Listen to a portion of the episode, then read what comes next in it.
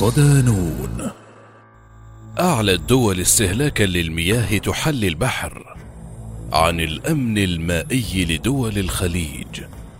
مقال لآلاء الصديق ضمن ملف بلاد العطش.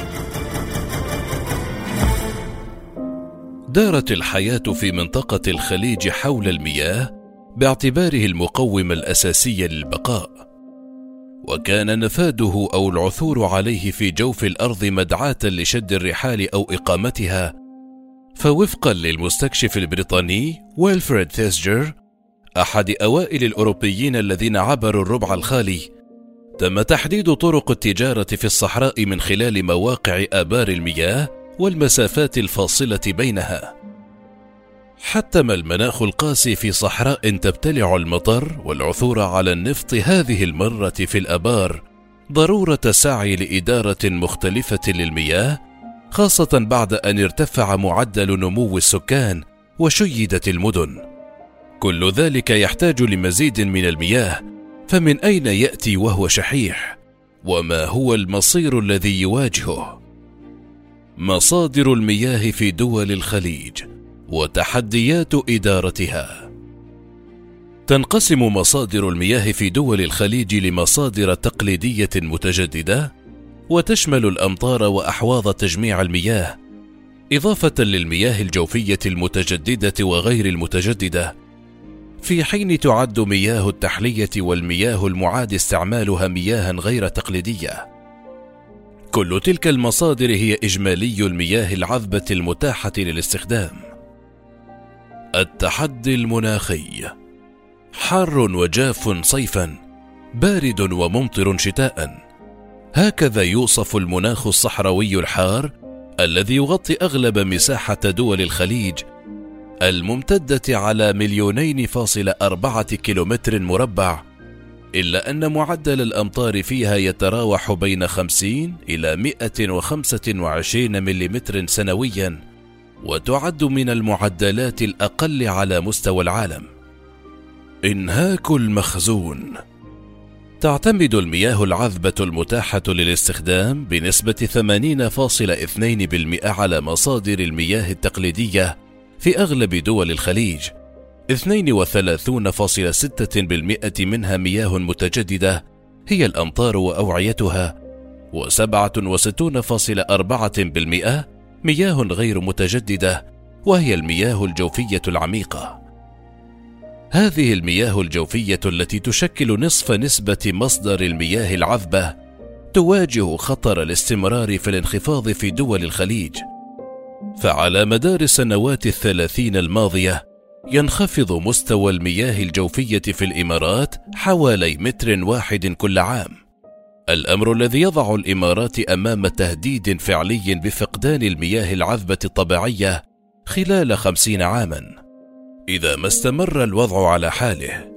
ومع هذه المعطيات فإن نصيب الفرد السنوي في الخليج من المياه يقل عن ألف متر مكعب وهي نسبة أقل بست مرات من المتوسط العالمي للفرد البالغ سبعة آلاف متر مكعب ناهيك عن إمدادات المياه العذبة المتجددة التي تعد دون 500 متر مكعب للفرد في السنة في كل دول الخليج.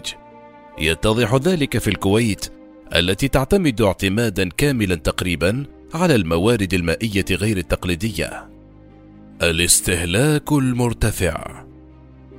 تضاعف سكان الخليج منذ مطلع الألفية من 29 مليون ليصل عددهم 57 مليونا في 2018 هذه الزيادة السكانية رافقتها زيادة في الطلب على المياه من نحو 6 مليارات متر مكعب في عام 1980 إلى أكثر من 32 مليار متر مكعب في عام 2005 وبنظرة أقرب تستخدم البحرين 132.3%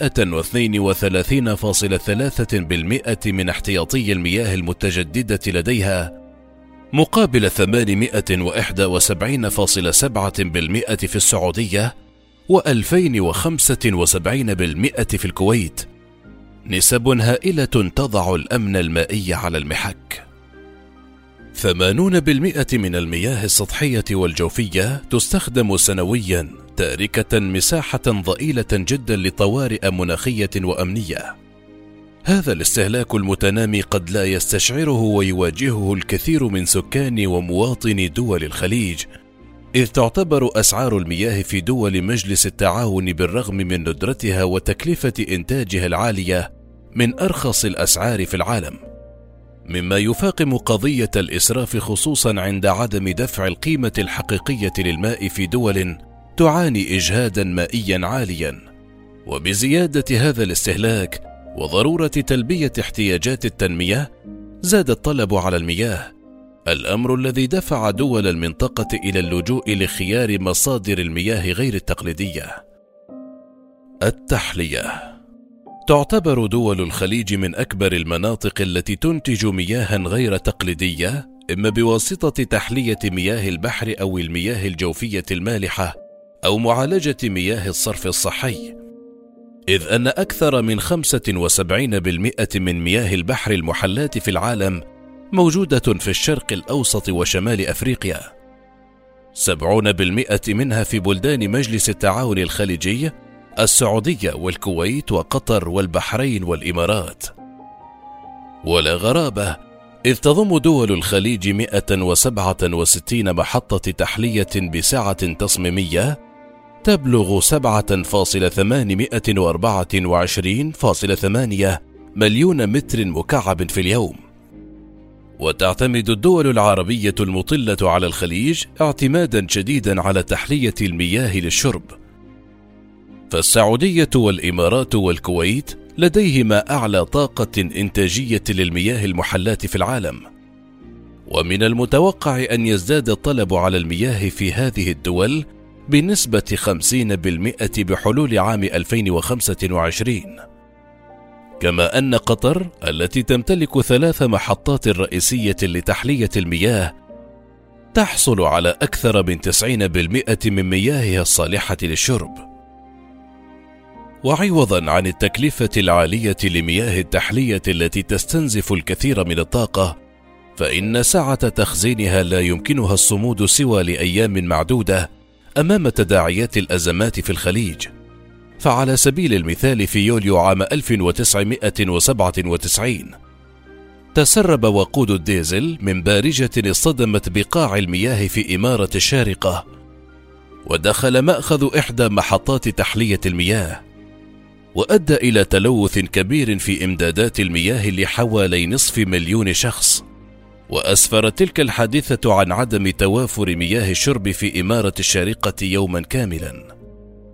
تواجه هذه الدول تحديات من داخلها عوضا عن تحديات الواقع ومناخه. إذ تتعدد المؤسسات المسؤولة عن المياه فتضيع المحاسبة والرقابة. فهناك وزارة مياه وهيئات عامة للإشراف على المياه بل إن القطاع العسكري يتولى أحيانا مسؤولية إنشاء محطات تحلية المياه في بعض الدول. كما تفتقر هذه المؤسسات إلى مقومات البحث والدراسات الإقليمية ويصعب العثور على المعلومات والإحصائيات الخاصة بواقع المياه لضعف قواعد البيانات المشتركة إلا لو أعلنت عنها مراكز بحث خارجية. وبالرغم من زيادة عدد الخريجين واستضافة جامعات نخبوية حول العالم إلا أن نصيب تخصصات المياه لا يزال قليلا. إلى جوار ذلك فإن غياب الترشيد في الاستهلاك يعد أحد أكبر التحديات التي يجب تخطيها. فالمظاهر الواضحة لاستنزاف المياه على مستوى القطاعين السكني والزراعي تتطلب توعية اجتماعية مكثفة لتغيير السلوك البشري تجاه هذا المورد المهدد. المستقبل المجهول. تتربع ثلاث دول خليجية من أصل ستة في المراكز العشرة الأولى لأعلى دول في الناتج المحلي الإجمالي للفرد الواحد. تأتي قطر في المركز الأول والإمارات في السابع وتليها الكويت في الثامن. ولا تبعد عنها البقية بكثير. فالسعودية في المركز الثامن عشر والبحرين السابع والعشرين وعمان السادس والثلاثين.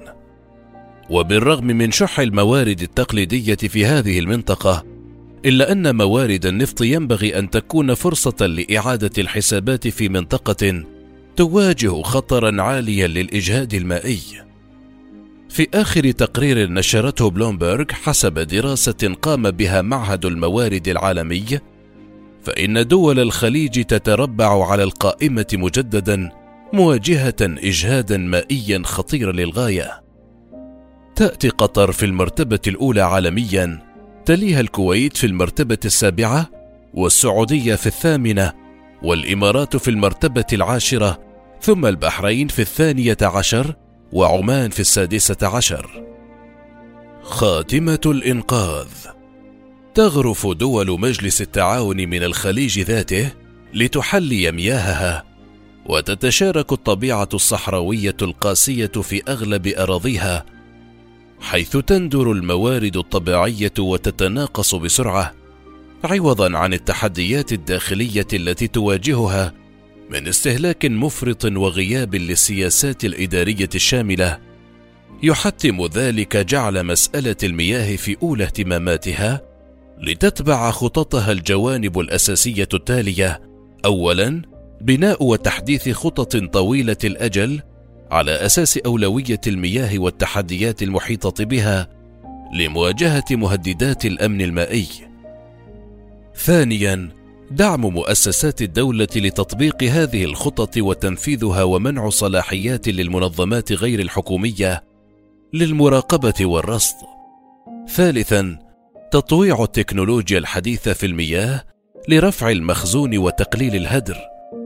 وأخيرا تفعيل التشريعات والقوانين المحافظة على المياه.